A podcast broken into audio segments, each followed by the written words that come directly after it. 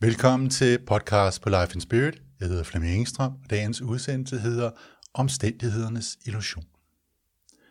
Life in Spirit handler om at understøtte din spirituelle selvudvikling.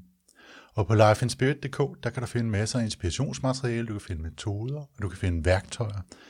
Og de er alle sammen til dig, der arbejder med din spirituelle selvudvikling. Man siger, at tro flytter bjerge.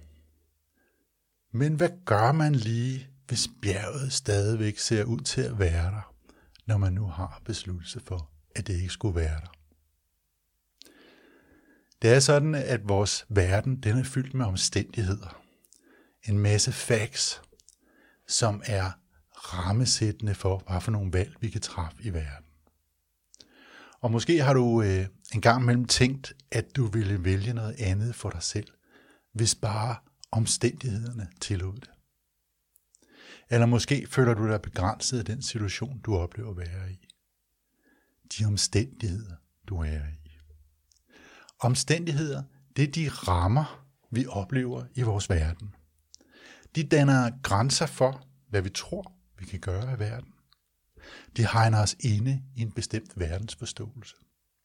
Og dermed sætter de grænser for, hvad det er, vi kan gøre i verden. Så øh, hvis vi i stedet for at flytte bjerge, tager det til noget mere banalt, sådan hvis du for eksempel gerne vil ud og rejse, så kan det jo være, at du oplever, at dine jobmæssige, dine helbredsmæssige eller dine økonomiske omstændigheder forhindrer dig i at komme ud og rejse. Måske tænker du ikke længere tanken, fordi dine omstændigheder er sådan, at det faktisk ikke engang kan betale sig at tænke den tanke. Og pointen er, at de her rammer, som omstændighederne danner omkring os, dem møder vi os konstant i vores liv. Hver eneste gang, vi bevæger os ud i verden. Og det er sådan med, med omstændighederne, at vi, vi opfatter dem som værende fakta. Og vi, vi, vi forstår ikke rigtigt det her med at stille spørgsmålstegn ved dem. Fordi altså bjerget er der jo. Alle kan jo se, at bjerget stadigvæk er der. Ikke? Så det er jo sådan nogle indlysende facts, som vi er op imod, når vi taler om omstændigheder. Men alligevel, altså så kan man jo spørge sig selv, hvordan kan det være, at de omstændigheder, der for, som ser ud til at være en begrænsning for nogen, at de ikke er det for andre? Altså, hvordan kan det være, at nogen formår at løfte sig over deres omstændigheder, mens andre ikke gør det? Og det der, det, der er i det, det er, at det hele handler om opfattelse. Forskellen mellem dem, som begrænses af deres omstændigheder, og dem, der ikke gør det, det handler udelukkende om, hvordan de opfatter omstændighederne. Det er det samme bjerg, de kigger på. Det er den samme rejse, de overvejer. Men de opfatter omstændighederne forskelligt. Og det er sådan, at hvis du ser en omstændighed som værende sand, så vil den være sand for dig. Og hvis du tror, at den er ubrydelig, at du ikke kan overkomme den, så vil den være ubrydelig for dig. Men hvis du ser en anden omstændighed som ubetydelig, så vil den være ubetydelig for dig. Og hvis du tror, at du kan overkomme den, så vil du kunne overkomme den. Den er det, du tror, den er. Dine rammer er i virkeligheden ikke defineret af selve omstændighederne, men af, hvad du tror om dem. Samme omstændighed, forskellige opfattelser, forskellige resultater. Det er sådan, at den verden, du oplever, den er skabt af dine tanker.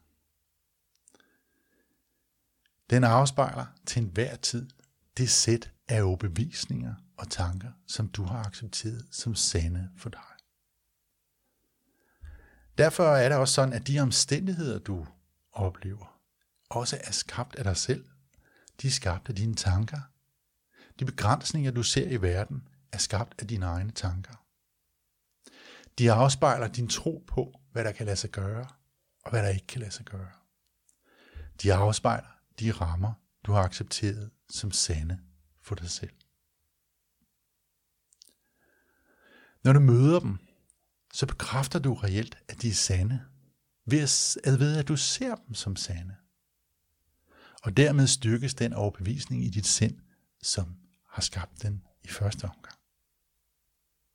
Og jo mere du accepterer omstændighederne som sande, jo mere fanges du ind i dem, og jo mere underkaster du dig også deres konsekvens, den betydning, de har for dig, den begrænsning, de lægger på dig.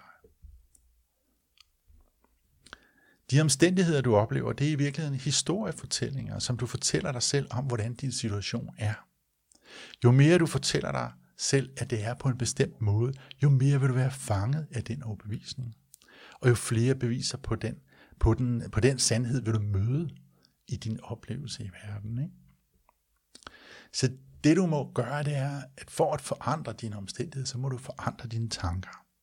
Og det hele taget er det sådan, hvis du forandrer noget i dit liv, så må du forandre det, du tænker. For kun sådan kan du ændre dine overbevisninger. Og dermed det, du oplever som omstændigheder i verden. Når du ændrer dine tanker, så forandres din verden, og dermed også de rammer, du har for din forståelse af verden, og dermed også dine omstændigheder. Men det kræver, at du erkender, at dine omstændigheder er skabt af dig selv. At det er dine egne tanker, som har lavet de rammer, du oplever. Og det kan være en rigtig svær erkendelse, fordi det betyder jo, at man ikke længere kan se sig selv som offer for de her omstændigheder. For du skaber dem jo selv. Men hvis du virkelig vil forandre noget, så er der ingen nogen vej udenom den erkendelse. For uden den forandres intet. Dine omstændigheder er et spejl af dine tanker. Og når du ændrer dine tanker, så ændrer spejlet også. Men ikke lige så hurtigt. Du kan forandre dine tanker i et splitsekund, men din verden forandres over tid. Og derfor vil de gamle omstændigheder stadigvæk være der, selvom du har forandret dine tanker. Det er sådan, at du har sat din intention om en forandring i dit liv, så er denne her overgangsperiode, fra du sætter intentionen til du rent faktisk oplever den som en del af dit liv, det er reelt en stor fristelse til at slippe intentionen og krybe tilbage i det gamle. Du bliver konstant fristet til at slippe din intention og gå tilbage til de tanker, du havde før. For du vil møde dine gamle overbevisninger som blokeringer, og du vil møde dine gamle omstændigheder som uoverstigelige facts. Se, bjerget er der jo stadigvæk, ikke? De har alle det samme budskab til dig, og det er, gå tilbage til det, du troede før. Bliv der, hvor du var. Lad være med at løfte dig selv ud af den tilstand. Bliv der, hvor du var. Og det er også sådan, i de fleste tilfælde, så gør vi det også. Men bjerget forsvinder ikke på en dag. Du kan kun lave forandring, hvis du forstår at opløse dine gamle overbevisninger, når du møder dem. Og hvis du evner at ignorere de omstændigheder, som ser ud til at stoppe dig. Men det kan du kun gøre, hvis du forstår, at det ikke er facts, men blot illusoriske grænser, skabt af dine gamle overbevisninger. Du kan ganske enkelt ikke forandre noget som helst i dit liv, hvis du ikke forstår at løfte dig selv fri af dine gamle overbevisninger og omstændigheder. Din verden kan ændre form, ja, men din oplevelse vil være den samme, bare i, en ny, i et nyt setup. Og det vil den være, indtil du en dag erkender, at du ikke er offer for din verden, men at du er den skaber. Din intention, det du vil, det du ønsker, det er din virkelighed. Og den må accepteres som virkeligheden frem for omstændighederne. Alle de omstændigheder, du møder, som ikke støtter din intention, må ganske enkelt ikke accepteres som sande. Kun din intention kan ses som sand. Alt andet er i virkeligheden bare et billede af fortiden, som udelukkende forsøger at trække dig tilbage til de fortidige tanker. Så for at kunne lave sådan en forandring, for at kunne overvinde omstændighederne, for at kunne opløse din gamle overbevisning, så må du være stærk i din tro på den intention, du har sat. Din verden, fordi din verden vil på alle måder forsøge at holde dig tilbage. Dine overbevisninger og dine omstændigheder vil dukke op i dine tanker. Og alle de mennesker, der er omkring dig, dine nærmeste, de vil holde dem op som beviser på, at du tager fejl. De vil forsøge at redde dig fra din vilfarelse ved at præsentere dig for de omstændigheder, som afspejler dit gamle jeg. Det vil sige, se, bjerget er der stadigvæk. Du kan jo nok forstå, du kan jo ikke flytte et bjerg, vel? Se bare, det er der jo stadigvæk. Du kan jo nok se, du er helt gal på den. Pointen er, at alt omkring dig og alle dine gamle systemer, dine gamle tankesystemer, vil forsøge at holde dig fast i den gamle opfattelse. De vil forsøge at holde dig og få dig til at opgive den forandring, du har ønsket i dit liv. De vil få dig til at, få, få, at give slip på din intention. Men, det er, jo, men jo mere du holder fast i din intention, jo flere beviser vil du også finde på, at den er stærkere end din fortid.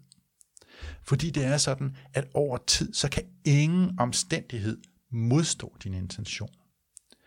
Kun ved at friste dig til at slippe intentionen, kan omstændigheden forblive virkelig.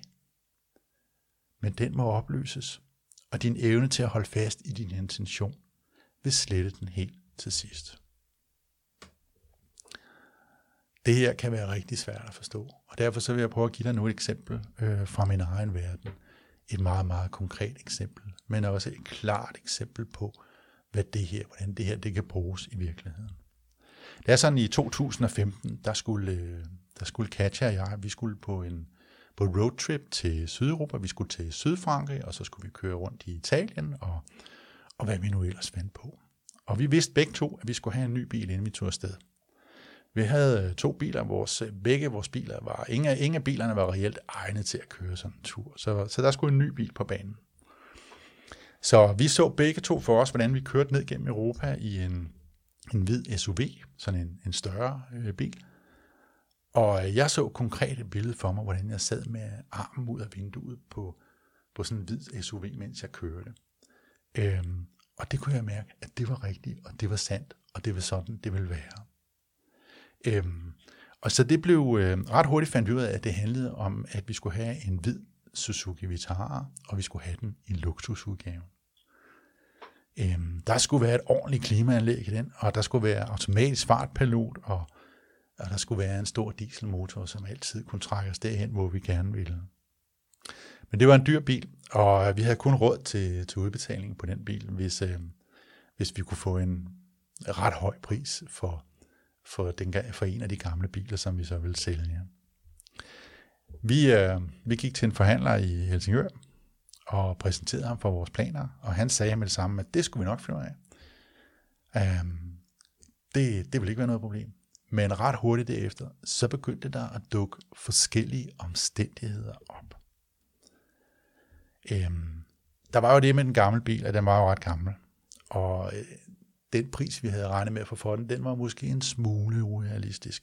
Så derfor skulle vi nok finde nogle flere penge frem til udbetalingen, end vi lige sådan havde regnet med. den anden ting var, at det var ret svært at få fat i den der topmodel. Men hvis vi nu valgte en billigere model, så kunne han godt nå at skaffe den, inden vi skulle afsted. Fordi det var faktisk sådan, at vi skulle afsted en måned senere. Men øh, som han sagde, det er sgu nok ikke realistisk med den der luksusudgave. Det, det kommer vi nok lige til at klemme. Og på den måde, så var det sådan nogle omstændigheder, der begyndte at bygge sig op foran os, og stille sig ind foran os. Ikke? Og vi, gør, vi gjorde ligesom så mange andre mennesker. Vi gik i fælden, og så sagde vi, nå ja, men altså, vi kan jo ikke, hvis man ikke kan skaffe den der luksusudgave, jamen altså, hvad skal man også med ledersæder og fartpilot og øh, alle de der radar, der automatisk stopper bilen og og alt det automatiske klimaanlæg og sådan noget. Altså, hvem har også brug for det i virkeligheden, ikke? Øh, så måske hvis vi bare tog en almindelig model, så det ville jo nok være, det ville jo nok være fint nok. Øh, så vi fik sådan talt os selv ud af det, og det var jo også dyrt, og hvis vi nu skulle øh, ikke kunne få så mange penge for den gamle bil, så ja, vi kunne jo nok se det. Det var, det var jo tydeligt nok, at vi måtte jo ligesom skrue lidt ned for ambitionerne der. Og det gjorde vi så også. Men vi havde kun lige accepteret det så begyndte de næste omstændigheder at dukke op. Og det var en lille detalje, som forhandlerne havde glemt at fortælle os, nemlig den detalje af den her dieseludgave, som vi vil have. Den kunne først komme til Danmark tre måneder senere. Og vi skulle altså afsted på ferie om en måned. Og i øvrigt, det var kun de første modeller, der kom til Danmark, så der var andre i kø, så gudene må vide, hvornår vi overhovedet kunne få en dieseludgave. Så vi var, var også nødt til at acceptere en, en benzinmodel. Og det var vi ikke indstillet på på det tidspunkt, for vi kørte rigtig meget. For os gav det god mening at have en dieseludgave. Men det vækkede os heldigvis, ikke? Og, øhm, og så så vi, at vi jo havde accepteret alle de her omstændigheder som sande, på trods af, at vi egentlig var meget klare i vores intention om, at vi skulle have den her luksusudgave med dieselmotor, og vi skulle på tur om 14 dage. For nu er tiden gået, og nu var der faktisk kun to uger tilbage. Så vi valgte at holde fast i vores intention, og vi valgte at holde fast i de billeder, vi har set os selv, når vi udlevede den intention. Så vi sagde, vi fyrede denne her forhandler, og så gik vi hjem i tillid til, at vores intention vil udrydde enhver omstændighed. Og vi havde en klar overbevisning om, at vi ville ikke gå på kompromis. Og så er det, man er i den der situation, hvor der er 14 dage til, vi skal afsted på ferie, um, og vi kunne ikke køre de gamle biler, så der var ingen tvivl om, at den her bil, den skulle være der. Og det er nok på det her punkt, hvor rigtig mange mennesker vil sige, at vi var dybt urealistiske. Altså, det var jo et faktum, at den bil, vi skulle bruge om 14 dage, den ville tidligst komme til landet om 3,5 måneder. Øhm, og det er jo omstændighedernes logik men vi nægtede at acceptere den. Så de næste to uger, der hang vi i uvidshed. Vi insisterede på, at vores bil ville være klar, når vi skulle bruge den, selvom omstændighederne blev mere og mere os om, at det var umuligt. Som vi skulle afsted på bilferie om tirsdagen, så skete der det om søndagen, at der fik Katja et avis på sin telefon fra bilbasen.dk med besked om, at der nu holdt en hvid luksusudgave i dieseludgaven til salg i Sorø. Præcis kl. 10, hvor de åbnede, der hang vi i telefonen og sagde, kan det være rigtigt? Det må jo være en fejl. Men nej, den var god nok. Forhandleren havde fået købt lidt for mange demobiler hjem, og han havde derfor besluttet sig for at sætte en af dem til salg. Og det var tilfældigvis denne her bil. Og han øh, ville rigtig gerne af med den hurtigt. Og derfor var han også parat til at give en god pris for vores gamle bil, hvis vi ville handle hurtigt. Vi ville gerne handle hurtigt, for vi skulle jo køre to dage efter. Så dagen efter om mandagen, der tog vi til Sorø, og efter et par timer hos forhandleren med få sat nummerplader på osv., der kørte vi derfra med vores nye bil. Det var præcis den bil, vi havde besluttet os for. Og præcis den bil, som omstændighederne fortæller os, at vi umuligt kunne få. Der var intet kompromis. Den havde den farve, den skade, have, den havde den motor, den skulle have, og den var i den udgave, vi havde bedt om. 100% den bil, vi havde sat os for, at vi ville have. Dagen efter kørte vi på tre ugers ferie til Sydfrankrig og Norditalien i vores spritnye bil. Og det, man kan tænke over, det er, hvordan ville denne her historie have været, hvis jeg havde accepteret alle de her omstændigheder, jeg blev præsenteret for undervejs? Hvis jeg havde accepteret en anden bil? Jeg tror, at situationen ville have været meget anderledes. Jeg ville have følt, at jeg var gået på kompromis, og jeg ville i virkeligheden ikke køre i den bil, som jeg gerne ville have haft. Og det du også kan tænke over, det er, hvordan havde historien været, hvis det var dig, der havde oplevet det var alt for denne gang. Der kommer en ny podcast igen om en uge. Indtil da, ha' det godt. Hej.